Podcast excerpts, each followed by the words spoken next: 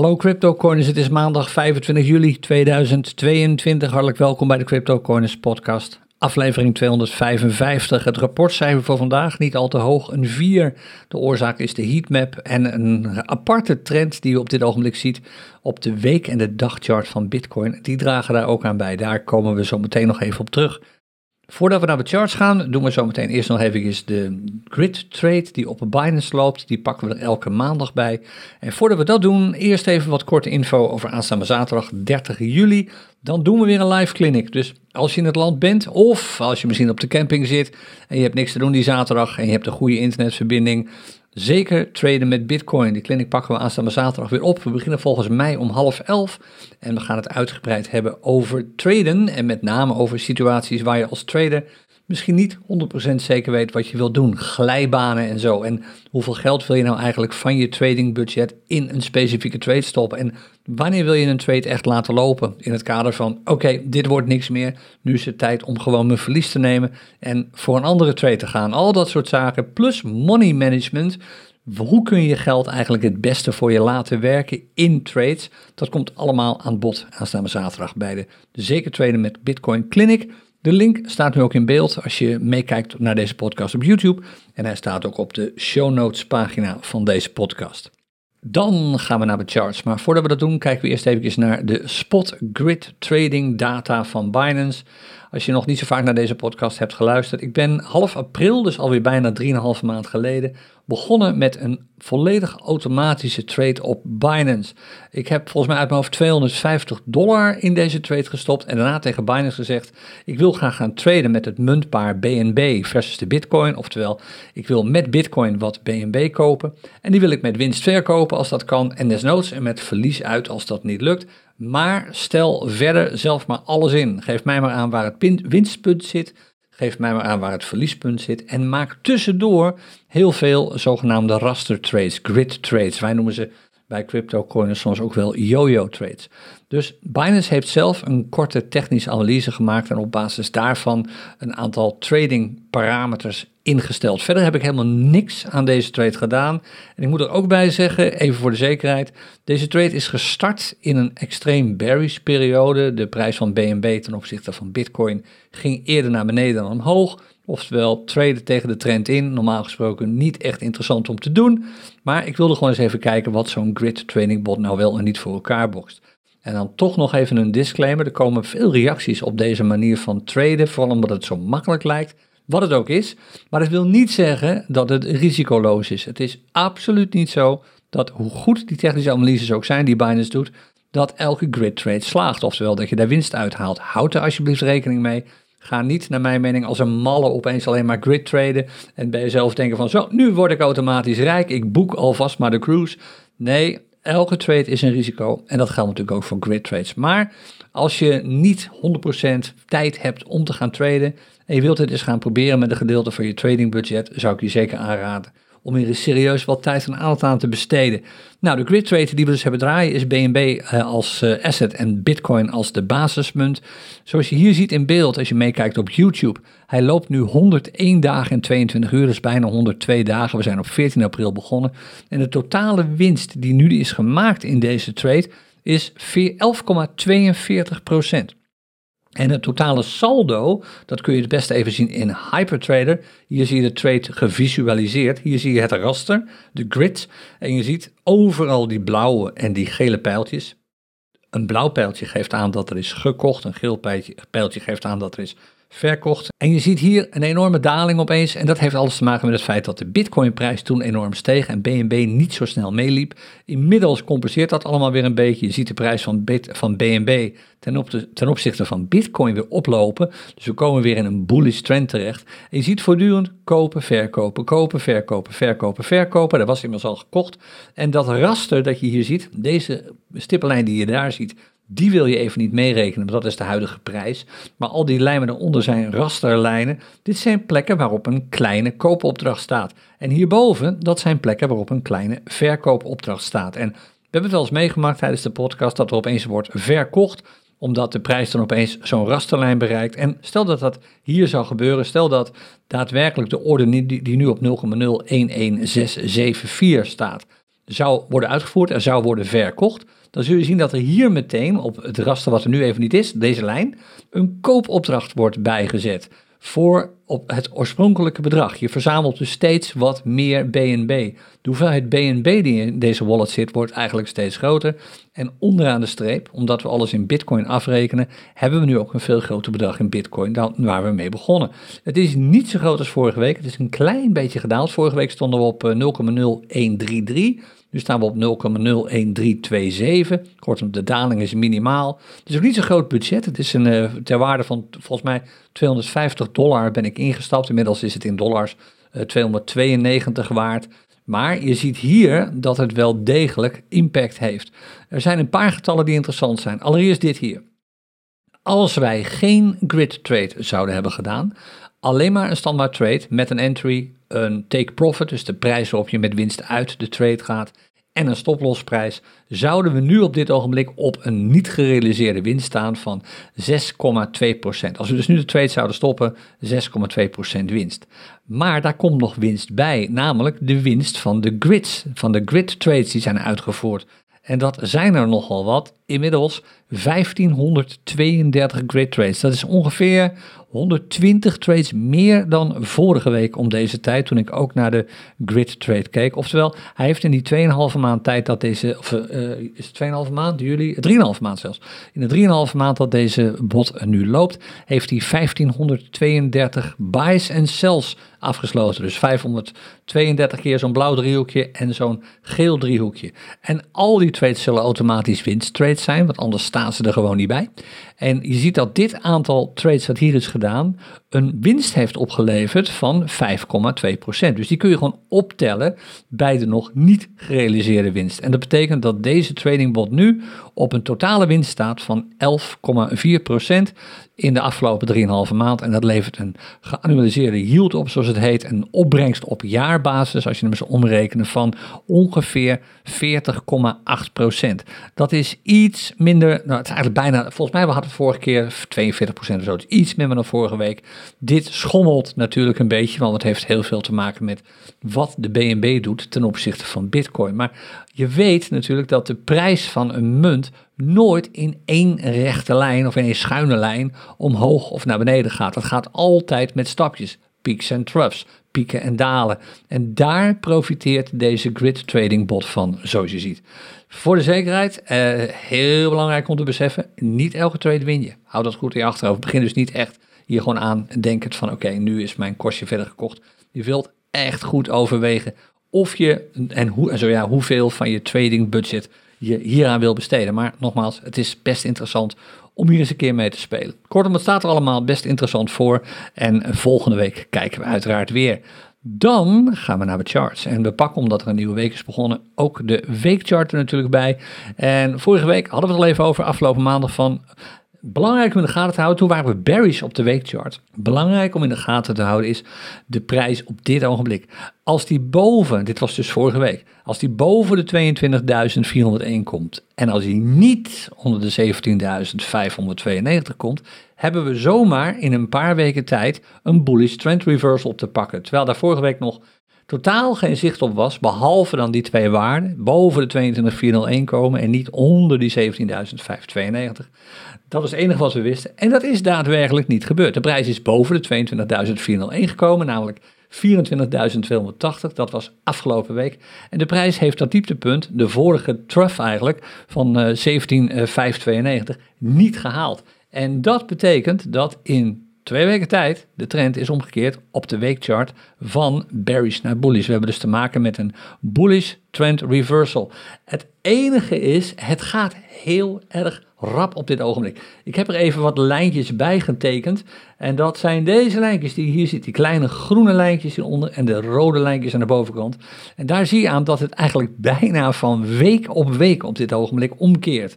Van piek naar trough. Of hier eigenlijk van trough naar piek. Dat duurt dan nog een paar weken. Maar toen naar een trough, naar een piek. Zomaar. En we zijn dus nu alweer, misschien alweer op weg naar een trough. Omdat we inmiddels misschien wel het hogere, hoogste punt van 24.000 280 hebben bereikt. Maar de trend, en dat is het allerbelangrijkste, als je kijkt naar de peaks en troughs, Hij was bullish, lagere pieken, lagere troughs, lagere pieken, lagere dalen. Nu hebben we al een aantal weken op rij te maken met hogere pieken, hogere dalen. Oftewel, deze chart is opeens bullish geworden. En ik zeg er wel bij, de trend volgens de peaks en troughs analyse, die ik eigenlijk altijd gebruik, sowieso al sinds ik deze podcast doe, hoor je me er eigenlijk daar elke keer weer over. Daar is de trend bullish voor. Maar als we kijken naar een paar andere indicators die we vaak op de chart hebben staan, zoals de parabolic stop and reverse, dat zijn die plusjes die je boven of onder de prijs ziet staan. Volgens die indicator is de trend nog steeds bearish. En dat geldt ook bijvoorbeeld voor de Keltner channels. De prijs zit onder de onderste band van de Keltner channels, wat aangeeft dat er sprake is van een stijgend bearish momentum. Dus dit kan een schijnbeweging zijn. Het is een absoluut een indicator waar je waarde aan wil hechten. Nou, het is niet eens echt een indicator, het is een manier om naar trends te kijken, die peaks en troughs. Maar houd in achterhoofd dat er wel degelijk dingen op deze chart zijn die tegenspreken, die aangeven van oké, leuk dat dit nu gebeurt, maar een paar andere dingen wijzen erop dat dit misschien niet al te lang zo blijft. En een van de dingen die daarop wijst is de dagchart. Maar de weekchart is dus nu bullish. En dat zorgt ervoor dat het rapportcijfer niet nog veel lager is dan een 4, maar een 4 blijft, want dat weekchart symptoom hier, die bullish weekchart, levert een extra punt op. De dagchart daarentegen, die is bearish geworden. En daar zien we een soortgelijk patroon als bij de weekchart als het gaat om het snel omkeren van die pieken en dalen. Want de trend is eigenlijk in een paar dagen tijd, eigenlijk sinds afgelopen donderdag, is de trend bearish geworden. En dat ondanks het feit dat, naar mijn mening, die 27.000 dollar, waar ik het nu al een anderhalve week of twee weken over heb, nog steeds op de kaart staat. Pas als de weekchart terugkeert naar Barry's, dan is die 27.000 dollar voor mij even van tafel. Want het blijkt opnieuw dat die, die zone zo rond de 23, 24.000 dollar gewoon echt sterk is. Daar zitten veel verkopers klaar om hun winst te nemen. Er zit een hoop weerstand op het ogenblik. Als daar doorheen wordt gebroken, nogmaals, dan kan het hard gaan. Maar dan wil je waarschijnlijk wel hier in ieder geval een omkering zien van de trend. En die is dus nu op dit ogenblik bearish. Je ziet hier opnieuw al die lijntjes, rode uh, weerstandspunten hier. Dit zijn steeds pieken. Je ziet, het gaat hier zelfs wat sneller dan bij de weekchart. Ik zal even wat inzoomen. De, gele, of sorry, de groene lijntjes die je hier ziet, dat zijn dalen, dat zijn troughs. En de rode lijntjes die je ziet zijn pieken. Je weet dat na elk dal komt een piek, dan komt weer een dal, dan komt weer een piek, dan komt weer een dal, dan komt weer een piek. En als zowel de piek als het dal hoger zijn, is er sprake van een bullish trend. Als de pieken en dalen steeds lager worden, lagere pieken, lagere dalen, dan is er sprake van een bearish trend. En de trend was keurig bullish. Hier was hij nog steeds keurig bullish op 21 juli. Toen kwam er opeens een lagere piek op 22 juli. En toen kwam er opeens in het weekend op 23 juli, afgelopen zaterdag, ook een lager dal. Gisteren weer een lagere piek. Oftewel, consistent lagere pieken, lagere dalen, elkaar heel snel opvolgend, geven aan dat de trend op dit ogenblik is omgekeerd op de dagchart naar berries. Dus we hebben nu iets aparts. We hebben op de weekchart nu opeens een bullish trend, zomaar in een paar weken tijd. Maar op de dagchart hebben we opeens een bearish trend. En die dagchart divergeert dus op dit ogenblik met de weekchart. Daar komt ook nog eens bij dat we op de dagchart nu zien dat de trend is al bearish, ook het bullish momentum is afgenomen. En dat zie je aan, dat zijn een beetje veel lijntjes hier, maar je ziet het hier aan de Keltner Channels. Dat zijn die blauwe banden die hier lopen. Je ziet de prijs inmiddels binnen de Keltner Channels staan. Tot vorige week, tot afgelopen donderdag volgens mij, toen we de vorige podcastaflevering opnamen, stond de prijs nog boven de bovenste band van de Keltner Channels. Oftewel, er was sprake van een duidelijk stijgend momentum, bullish momentum. Nu neemt het bullish momentum af. Je wilt dus eigenlijk, gaan we weer om die 27.000 te pakken, zien dat de prijs weer boven de bovenste band van de Keltner Channels sluit. En dat is nu alweer helaas een aantal dagen op rij niet gebeurd. Komt bij dat de weekchart dus nu bullish is op het ogenblik, maar niet heel sterk. Ook deze staat dus nog onder de onderste Keltner Channels.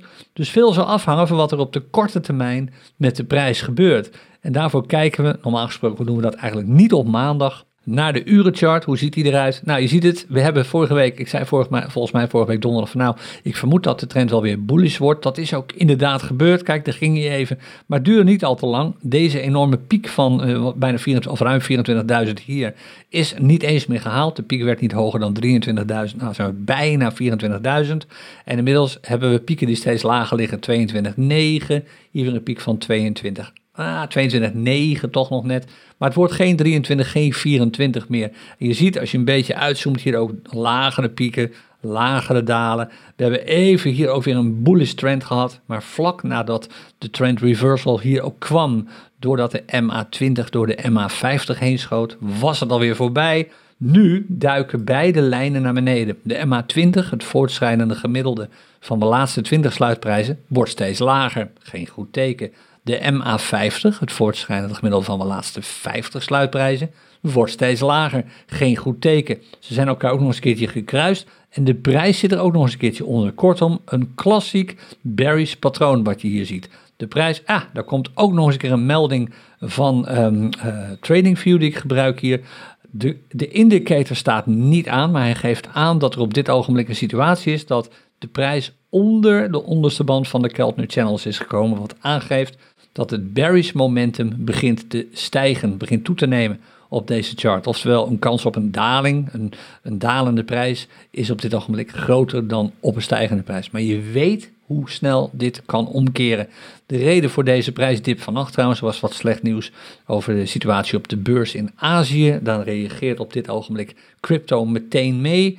En eerlijk gezegd, vanuit Wall Street verwacht ik ook niet al te veel optimisme. Het sentiment is daar nog steeds angstig, hoewel op dit ogenblik wel veel aandeelhouders en beleggers tot min of meer op vakantie zijn gegaan. Vroeger zeiden we altijd, verkoop in mei, komt terug in september. Nou, dat is minder het geval nu, natuurlijk vanwege alles wat er op dit ogenblik in de wereld speelt en met name de toenemende angst voor recessies. Daar komen we zo meteen nog even op. Terugkerend op en samenvattend wat dit nou eigenlijk betekent. De weekchart is nu bullish geworden.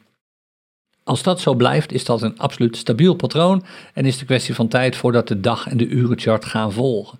Maar als de dag- en de urenchart sterk bearish patronen gaan vertonen, wat nu dus nu de dagchart al doet en de urenchart af en toe ook, zal natuurlijk op termijn ook die weekchart weer moeten omkeren. Het sentiment is bearish. Dit, we hebben het nu over trends. Maar het sentiment, dus de macro's, zeg maar. Wat, hoe denken mensen op dit ogenblik over geld? Hoe denken mensen over hun geld, over hun financiële situatie? Wereldwijd. Dat sentiment is extreem bearish en dat betekent opnieuw dat prijzen toch vaak naar beneden worden getrokken, ook al laten charts soms wat anders zien. En het is apart, want je ziet dit niet zo heel vaak, terug naar die, die weekchart dat we opeens te maken hebben met een bullish trend. Als je gewoon puur naar de peaks en troughs kijkt. Maar je zou, kijk, de reden dat dit echt wel peaks en troughs zijn, is het enorme prijsverschil tussen deze peaks en troughs. Kijk naar deze trough bijvoorbeeld hier, de week van 13 juni, en vergelijk die met de eerstvolgende piek, de week van 4 juli. Dan zie je een prijsverschil van in procenten uitgedrukt bijna 30 procent. 28 procent. Dat is dus wel een daadwerkelijk prijsverschil. Daar zit wel het een en ander volatiliteit. Maar je zou met een beetje fantasie natuurlijk kunnen zeggen, als je maar genoeg uitzoomt van, ja, eigenlijk is dit gewoon een zijwaartse beweging in een bearish trend. En in beide gevallen heb je volgens mij gelijk. Namelijk, er is sprake van een bearish trend als je nog wat verder uitzoomt. Er is sprake van een zijwaartse beweging hier. Maar ja, als je kijkt naar de enorme verschillen, de enorme uitslagen tussen laag en hoog, moet je realistisch zijn en zeggen, volgens de Peaks and Troughs analyse is dit gewoon nu een bullish trend. Maar het wisselt zo snel om, normaal gesproken, gesproken gebeurt dat echt niet. Er zit echt altijd wel een aantal candles Zoals bijvoorbeeld hier tussen de trough die we zagen op 21 februari en de piek die we zagen op 28 maart. En de volgende trough die we zagen op 9 mei. En de volgende piek die we zagen op 30 mei. Er zit gewoon weken tussen. Maar tegenwoordig is het bijna elke week raak. Nieuwe piek, nieuwe trough. En dat laat zien dat sentiment hier een rol speelt, naar mijn mening. Dat dit een kwestie van tijd kan zijn. Kan zomaar twee weken verder. En deze trend op deze weekchart toch weer omkeert naar bearish. Maar hij is nu bullish. En dat is dus op zich geen slecht teken, want veel uh, traders letten daarop bij het beslissen waar ze wel of niet instappen. En het zou toch dus nog een gekke hike tot gevolg kunnen hebben van de prijs, die misschien zomaar weer richting die 27.000 kruipt. Waar die dus naar, waarschijnlijk, in van naar mijn mening, niet al te lang zal blijven. Want als het al gebeurt, het sentiment is gewoon op dit ogenblik belabberd. En dat blijft ook nog wel een tijdje zo. Naar mijn mening opnieuw, ik denk eind van dit jaar op zijn minst dat we nog te maken hebben met een extreem negatief sentiment als het gaat om geld, als het gaat om aandelen en de waarde ervan en als het gaat om bitcoin en crypto en de waarde ervan. Nou, genoeg daarover. Even naar de Ether chart. We zijn wat de Ether chart betreft, die ziet, heeft een ander karakter. Dit is de weekchart dan de Bitcoin chart. Bij de Bitcoin chart zie je voortdurend, het is zo'n zijwaartse beweging tussen aanhalingstekens en echt hogere pieken, hogere dalen. Bij de weekchart zie je dat niet. We hebben een dal te pakken, dan zou je zeggen, ah, hier zit er een. Nee, want deze piek is lager dan de piek ervoor en ook lager dan de piek erna, dus die telt niet. We gaan op weg naar een nieuwe piek die we misschien vorige week al hebben bereikt. Dat zou zomaar kunnen. Dan hebben we een piek te pakken van, wat is het, 1663 dollar. En gaan we op weg naar een nieuwe trough. Dan zou ook deze weekchart kunnen omkeren. Want de laatste trough die we gezien hebben zit hier. Hier zit geen trough, apart genoeg. Je zou zeggen, hé, hey, de prijs in de week van 11 juli was hoger, het dal, dus de low, dan de low in de week van 13 juli. Ja, maar er is geen piek tussendoor geweest. Dat betekent dat we nog steeds op weg zijn naar die nieuwe piek. Die hebben we dus nu misschien bereikt. 18 juli, de week van 18 juli, vorige week. Als we daar niet boven komen deze week, hebben we een nieuwe piek te pakken. Die is lager dan de vorige. De trend blijft dan gewoon bearish. Maar wie weet keren we dan in een paar weken daarna ook wel om naar bullish. Want je weet het, we komen dichter in de buurt van september. En in september zou de update moeten plaatsvinden naar het Ethereum 2.0 netwerk, waar nu al flink over wordt gehyped trouwens. En dat veroorzaakt ook een beetje deze stijgingen. Er wordt ook wel gezegd, de bitcoin prijsstijgingen zijn min of meer gedreven door de ether prijsstijgingen. Kijk, ether steeg in de week van 11 juli opeens en vorige week ook nog eens een keertje. En als je naar de bitcoin weekprijzen kijkt, zien we een soortgelijk patroon eigenlijk ontstaan. Hier in de week van 11 juli was er een doji, maar opeens hier in de week van 18 juli kwam daar een flinke prijsstijging. Kijk met name naar die high die je daar ziet.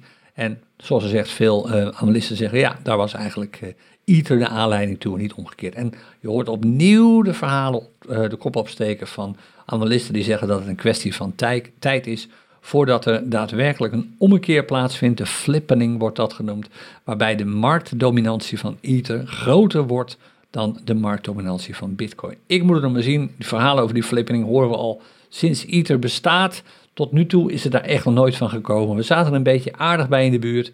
Maar toen gebeurde er weer wat met de prijsontwikkeling van Bitcoin, waardoor die flippening weer van tafel was. En nu ook, even vooruitlopend, als je kijkt naar de heatmap, dat is deze, dan zie je, dit is het marktaandeel van Bitcoin, een dominantie van 40%. Daar komt Ether voorlopig nog lang niet bij in de buurt dan moeten er eigenlijk twee dingen gebeuren. Nou, één ding zal al genoeg zijn. Of de prijs van Ether stijgt gigantisch. Op dit ogenblik zou die met een prijs een verschil van ongeveer nou, 60, 70 procent moeten stijgen, terwijl de prijs van Bitcoin niet stijgt. Of de prijs van Bitcoin zou met ongeveer 40 procent moeten dalen, waarbij de prijs van Ether gelijk zou moeten blijven. Dan zitten ze ongeveer op hetzelfde niveau qua markt aan, qua marktcapital, marktkapitaal. En dan zou je kunnen zeggen, er is een flippening. Maar ik zie dat niet gebeuren, want het is nooit gebeurd. Waarom zou het nu wel gebeuren? Vanwege de update van het Ether-netwerk, sorry, Ethereum-netwerk. Vanwege het feit dat Ether dan volledig proof of stake is, dat goed is voor het milieu. Ik moet het allemaal nog zien. Ik ben heel benieuwd of dat zich inderdaad ook zo gaat uitspelen. Ik denk het niet, eh, eerlijk gezegd. Nog even Ether, de dagchart, hetzelfde patroon als bij Bitcoin. Daar zie je het wel terug. Eigenlijk dag op dag hogere uh, pieken en hogere dalen. En dat betekent dus dat nu ook de Ether chart is omgekeerd naar bullish, higher highs en higher lows. Heel duidelijk te zien op deze chart. We zijn nu weer op weg naar een nieuwe trough die we misschien al bereikt hebben vandaag. Maar de chart blijft gewoon bullish. En uh, op dit ogenblik, omdat dit zich zo snel afwisselt op de dagchart, wil je ook rekening houden met het feit dat dit opeens snel voorbij kan zijn natuurlijk. Wel interessant is dat de Ether chart, de dagchart, een prijs heeft die boven de bovenste band van de Kelton Channel staat. Wat duidt op een stijgend bullish momentum. Deze rode candle van vandaag, die reken ik niet mee. Want je kijkt echt alleen maar naar candles die klaar zijn. En dit is een ander patroon dan je ziet bij de dagchart van Bitcoin. Waar de prijs al een aantal dagen lang in de Keltner Channel staat, wat wijst op een afnemend bullish momentum. Nou, hier is dat dus niet zo. Het momentum neemt nog steeds toe. Het zal wel nodig zijn dat de prijs vandaag dus, op, kijken we ook een melding, dezelfde melding die we net hadden. De prijs duikt nu weer onder de Keltner Channels, stijgend bearish momentum op het ogenblik. Negeren we nu eventjes. Wat wel belangrijk is om de gaten te houden, is dat de prijs vandaag dus, als het om die Keltner Channels gaat, sluit boven de 1521. Als dat niet gebeurt, als de prijs daaronder sluit, maar het lijkt er wel op dat hij erboven blijft nog eventjes, eh, dan uh, blijft dit gewoon een stijgend bullish moment. Een PSAR staat ook prima, die staat onder de huidige prijs. Hogere pieken en hogere dalen. Kortom, de Ether dagchart is bullish, waarbij de Ether weekchart op dit ogenblik bearish is. Dus eigenlijk hetzelfde patroon als we altijd al zagen, zien we bij Ether nu nog steeds. Maar bij Bitcoin is dat patroon dus omgekeerd. Daar is nu de weekchart opeens bullish. Nou, de urenchart van Ether is niet zo heel relevant. Min of meer hetzelfde patroon. Hoewel we daar niet die cross hebben nog. We hebben nog niet de MA20 die naar beneden door de MA50 is gedaald. En het herstelt ook allemaal wat sneller. Er zit wel flink wat support. Zoals je ziet op dit niveau, zo rond de 1480. En dat is ook wel een niveau dat ik in de gaten houd op die dagchart. Als de prijs daaronder komt rond de 1480, dan is er toch wel uh, sprake van een bearish signaal. Voorlopig houdt Ether zich nog redelijk goed op dit ogenblik, met name op de dagchart. Dan nog even goud. Goud heeft een uh, bearish uh, trend op dit ogenblik, dat weet je. Maar voor het eerst sinds een lange tijd hebben we weer wat prijsstijgingen gezien. We hebben een absoluut dieptepunt bereikt afgelopen donderdag. Volgens mij was dit tijdens de podcastaflevering of vlak erna. 1682 dollar was de laagste prijs die goud heeft gehaald. Lang niet gebeurd. Dat moeten echt zo'n anderhalf jaar terug. Dit was de laatste keer dat het gebeurde in uh, augustus 2021. Maar daarvoor was het hier zo in maart 2021. Zo laag is de prijs lang niet meer geweest, zoals je ziet. Nou, inmiddels um, zijn we weer op weg naar boven. Misschien eindelijk weer een trend reversal. Zover is het nog niet, want op dit ogenblik hebben we alleen nog maar lagere pieken. Misschien nu, sorry, lagere dalen. Uh, misschien nu een hogere piek, maar dat weten we ook pas over een paar dagen. Misschien dat we donderdag zouden kunnen zeggen dat de trend voor goud lijkt om te keren. Maar de dollar is nog steeds super duur voor Europa. En dat betekent dat er op dollars op dit ogenblik goed gespeculeerd kan worden. En dan zullen beleggers dus automatisch eerder daarvoor kiezen dan voor goud, dat dan toch een beetje wat van zijn glans verliest. Betekent absoluut niet dat dit het einde is van goud, want één ding is eigenlijk altijd weer bewezen. Als de dollarprijs opeens daalt, omdat er toch een recessie uitbreekt in Amerika, wat gewoon waarschijnlijk wel gaat gebeuren, dan zullen we zien dat de goudprijs opeens enorm stijgt. Dan wordt dit weer de veilige haven waar alle investeerders eigenlijk altijd zo wanhopig naar op zoek zijn. De eerste prijs die je doorbroken wilt zien wat goud betreft, is een prijs die 140 dollar boven de huidige ligt, namelijk rond de 1820 dollar, waar hier die gele lijn ook loopt. De op dit ogenblik weerstand, maar hier een tijd lang support die we hebben gezien in de periode van mei tot en met ongeveer begin van deze maand, begin juli. Dat is nu dus een vloer geworden, of een uh, plafond geworden. Daar wil je eigenlijk de prijs boven zien komen, dit niveau ongeveer. Zover is het uh, voorlopig nog niet, maar het kan snel gaan. Het kan een kwestie van een uh, paar weken zijn. Nou, Fear and Greed Index op Wall Street even, daar is niet zo heel veel veranderd. Afgelopen donderdag hadden we 39, oftewel een toestand van angst. En vandaag hebben we 39, oftewel een toestand van angst. En op dit ogenblik, gebaseerd op de futures, is dit nog steeds het scenario. Oftewel, de markten zijn absoluut angstig. Er is niet al te veel over te zeggen op het ogenblik, anders dan het feit dat de angst voor een recessie wel degelijk blijft bestaan. Voor de rest is, zoals ik al zei, een beetje komkommertijd op het ogenblik, maar de angst voor de recessie is zeker niet uit de lucht. En wat helemaal niet meehelpt natuurlijk, is waar toch naar wordt gekeken met een schuin oog, een eventueel opkomende eurocrisis. Ik zeg erbij eventueel opkomend, maar wat er nu gebeurt in Europa, waarbij de ECB opeens uh, begon de rente te verhogen. Hier is het trouwens een beeld.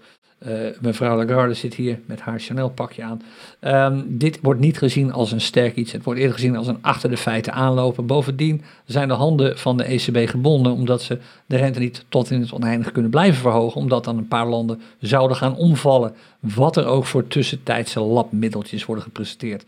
Naar mijn mening staat de, ECB er beroerd voor op dit ogenblik. En hoewel we nog niet op het punt zitten waar we in 2012 waren, toen het begon te lijken op een echte eurocrisis, zoals wel misschien wel uiteenvallen van dit hele systeem. Uh, daar staan we nog niet, maar het zou wel kunnen gaan gebeuren. Het zijn wel dingen waar rekening mee wordt gehouden door analisten ook. En het is dus iets waar Amerika ook naar kijkt. Want als dat gebeurt, creëert dat een hoop uh, instabiele toestanden in de wereld opnieuw. Ja, en dat heeft dus automatisch ook impact op de waarde van beleggingen van Amerikanen. Vandaar dat dit wel degelijk bijdraagt uh, tot het slechte uh, sentiment in Amerika op dit ogenblik. Mooier kan ik het helaas niet maken. Dan de heatmap, ik zei het al, die is uh, rood op dit ogenblik. Er is bijna geen groene munt te vinden. Deze tellen natuurlijk niet mee. De Tether, dat is gewoon een stablecoin. En als we dan kijken naar de CryptoCoins scanner, die veel meldingen afgeeft op het ogenblik, zijn er een paar interessante dingen om te zien. Dit, de scanner geeft mij nu, omdat ik dat zo heb ingesteld, meldingen voor trades met de Bitcoin als basismunt. En dan zie je iets waar we vorige week naar op zoek waren, maar dat toen niet echt tegenkwamen. Er zitten af en toe wat muntparen tussen, waarbij de chart bullish is. De chart, in dit geval dus voor Theta bijvoorbeeld de 1 minuten chart is bullish. Maar ook de hele markttrend is licht, maar toch bullish voor dit muntpaar. Dus de charts op de grotere intervallen zijn, een aantal daarvan, zijn ook al bullish. En dat zie je wat vaker gebeuren. Ik kijk ik nog een voorbeeld vind. Even terug scrollen. Ik zag er al wat meer voorbij komen vanochtend vroeg. Uh, nou, nu lukt het waarschijnlijk dan weer niet. Nee, verder is half elf. Even kijken of ik hier nog een paar zie. Nee, nu zijn er weer veel berries. Kijk wel, de charts zijn dus berries. Ah, hier heb je er ook een. Kijk, Juni is ook bullish bijvoorbeeld hier. En zelfs 54% bullish op grotere charts. Dat maakt dergelijke charts makkelijker om te traden ten opzichte van charts waarbij beide trends bijvoorbeeld berries zijn. En die zitten er ook wel bij. Je zult zien dat ik er nu even zo snel geen één kan vinden. Ja, hier is er eentje bijvoorbeeld. Kijk, de chart trend is berries, oftewel deze 1 minuten chart heeft berries signalen, lagere pieken, lagere dalen. Maar ook de grotere charts zijn overwegend berries. Ja, dat is dus een mogelijke glijbaan waar je instapt, waar je dus enorm veel wilt uitkijken. Zeker als we ook nog even kijken wat de barometer op dit ogenblik doet. Je weet, die geeft je de prijsverschillen over de afgelopen dag, over de afgelopen vier uur en over de afgelopen uur. Ja, dat staat er allemaal niet erg florissant bij. Er zit weinig beweging in de prijs over het afgelopen uur. Hij staat al een aantal uur lang op 0%. En dat betekent ook dat de 4 uur um, prijsverschillen zullen gaan dalen. Je zult zien dat er een, een er is dus wat minder volatiliteit op dit ogenblik. Het lijkt wel alsof de cryptowereld een beetje haar adem inhoudt.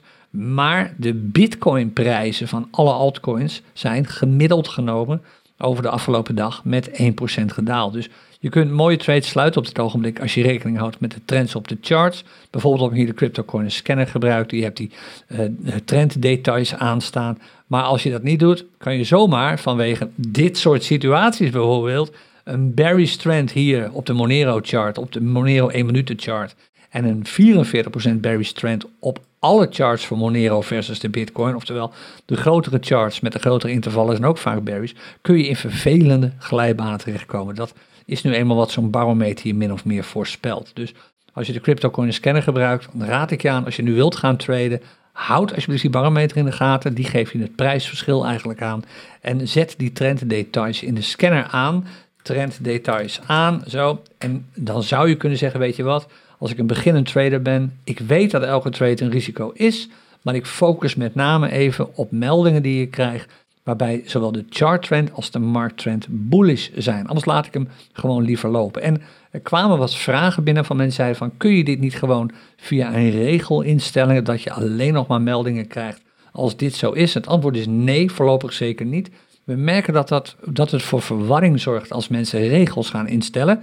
Ze krijgen namelijk vaak geen meldingen meer en denken dan de scanner doet het niet, er komen geen meldingen. Nee, dat komt omdat ze regels hebben ingesteld die zo beperkend zijn dat, het, ehm, eh, dat er geen meldingen meer kunnen komen. En vandaar dat we daar niet zo erg grote fan van zijn. En naar mijn mening, maar misschien vergis ik me, is het helemaal niet zoveel werk om als er een melding komt, even te kijken of je wilt instappen. En soms wil je misschien wel. Kijk, een dergelijke situatie, Cardano, zou je, ondanks het feit dat de chart zelf, de 3 minuten chart, even bearish is, waarschijnlijk toch willen instappen. Want eigenlijk alle andere charts zijn bullish. En dan is dit een stormpje dat bij jou in het dorp aan de gang is Terwijl het klimaat in de rest van het land gewoon heel rustig weer aangaat. Of uh, het weer in de rest van het land gewoon heel rustig is. Deze trade zou je naar mijn mening met een, een, relatief laag risico gewoon kunnen nemen. Die melding zou je dan dus niet krijgen. Oftewel nee, we gaan dat waarschijnlijk niet aanpassen. Ondanks het feit dat een paar mensen daarom hebben gevraagd. Kijk gewoon zelf even naar die trends. Dan kun je altijd nog beslissen of je wel of niet in een chart instapt of in een trade instapt. Dan voor de zekerheid wat die trends betreft. Als we kijken naar de trend van de dollarmarkt op dit ogenblik die is niet meer zo euforisch hoog als die voor het weekend was. Toen hadden we volgens mij nog te maken met meer dan 40% bullish. Op dit ogenblik zijn de meeste charts bullish, maar het is niet meer dan 18,6%. Dat haalt ook meteen twee punten van het rapportcijfer af, dat dus niet meer boven de 4 uitkomt op het ogenblik. En de trend voor de Bitcoin-markt op dit ogenblik, Die is ook bullish. Ietsje meer bullish dan vorige week. Volgens mij hadden we vorige week 1% of zo. Maar eerlijk is eerlijk, dit is allemaal niet heel spectaculair wat je nu ziet gebeuren. Wel voor de dollarmarkten. Maar als je naar de bitcoinmarkten kijkt op dit ogenblik, heb je te maken met een trend 3,5%. Dat is niet veel. Oftewel, het hangt er een beetje om. En dat eigenlijk kun je nou niet zeggen dat de meeste charts waarbij je de bitcoin als basismunt gebruikt, overtuigend bullish zijn. Integendeel, er is geen chart te vinden die voor 100% bullish is. Er is overigens ook geen chart te vinden op de bitcoinmarkt die voor 100% bearish is. Er zit er altijd wel eentje bij die bullish is. In dit geval is het bijvoorbeeld de minutenchart. Maar het laat al zien dat je gewoon toch super wilt oppassen. Kijk, als je kijkt naar de dollarmarkt, hebben we er eentje bij die 100% bullish is. Voor de rest zitten er altijd wel één of meer charts bij op de wat lagere intervallen die niet bullish zijn. Nou, dit geeft ook wel een beetje aan dat je gewoon wilt uitkijken. En je, zeker als je ziet dat volgens de barometer de volatiliteit wat begint af te nemen. Kijk hier, 0% versus 0,2%. Betekent dit waarschijnlijk dat je minder instapmomenten zult vinden omdat nogmaals de volatiliteit afneemt. De prijs beweegt niet meer zoveel. De banden worden allemaal wat nauwer. En dat betekent dus de, de Bollinger Bands in dit geval. Het verschil tussen troughs en peaks wordt kleiner. En dat betekent dat het lastig traden is. Dan kun je misschien beter beslissen om maar even een paar uur lang wat anders te gaan doen. Nou, tot zover de Crypto Coiners podcast voor vandaag. Heb je hier vragen over? Je weet ons te vinden op YouTube, op de podcastpagina zelf of in een van onze Telegram chatgroepen. Ik wens je een paar mooie dagen toe als het om het weer gaat, want het wordt gelukkig niet meer zo heet als de afgelopen dagen is geweest. En als je op vakantie bent, veel plezier nog. En ik spreek je aanstaande donderdag weer bij de volgende aflevering van onze CryptoCoins podcast. Tot dan, dag.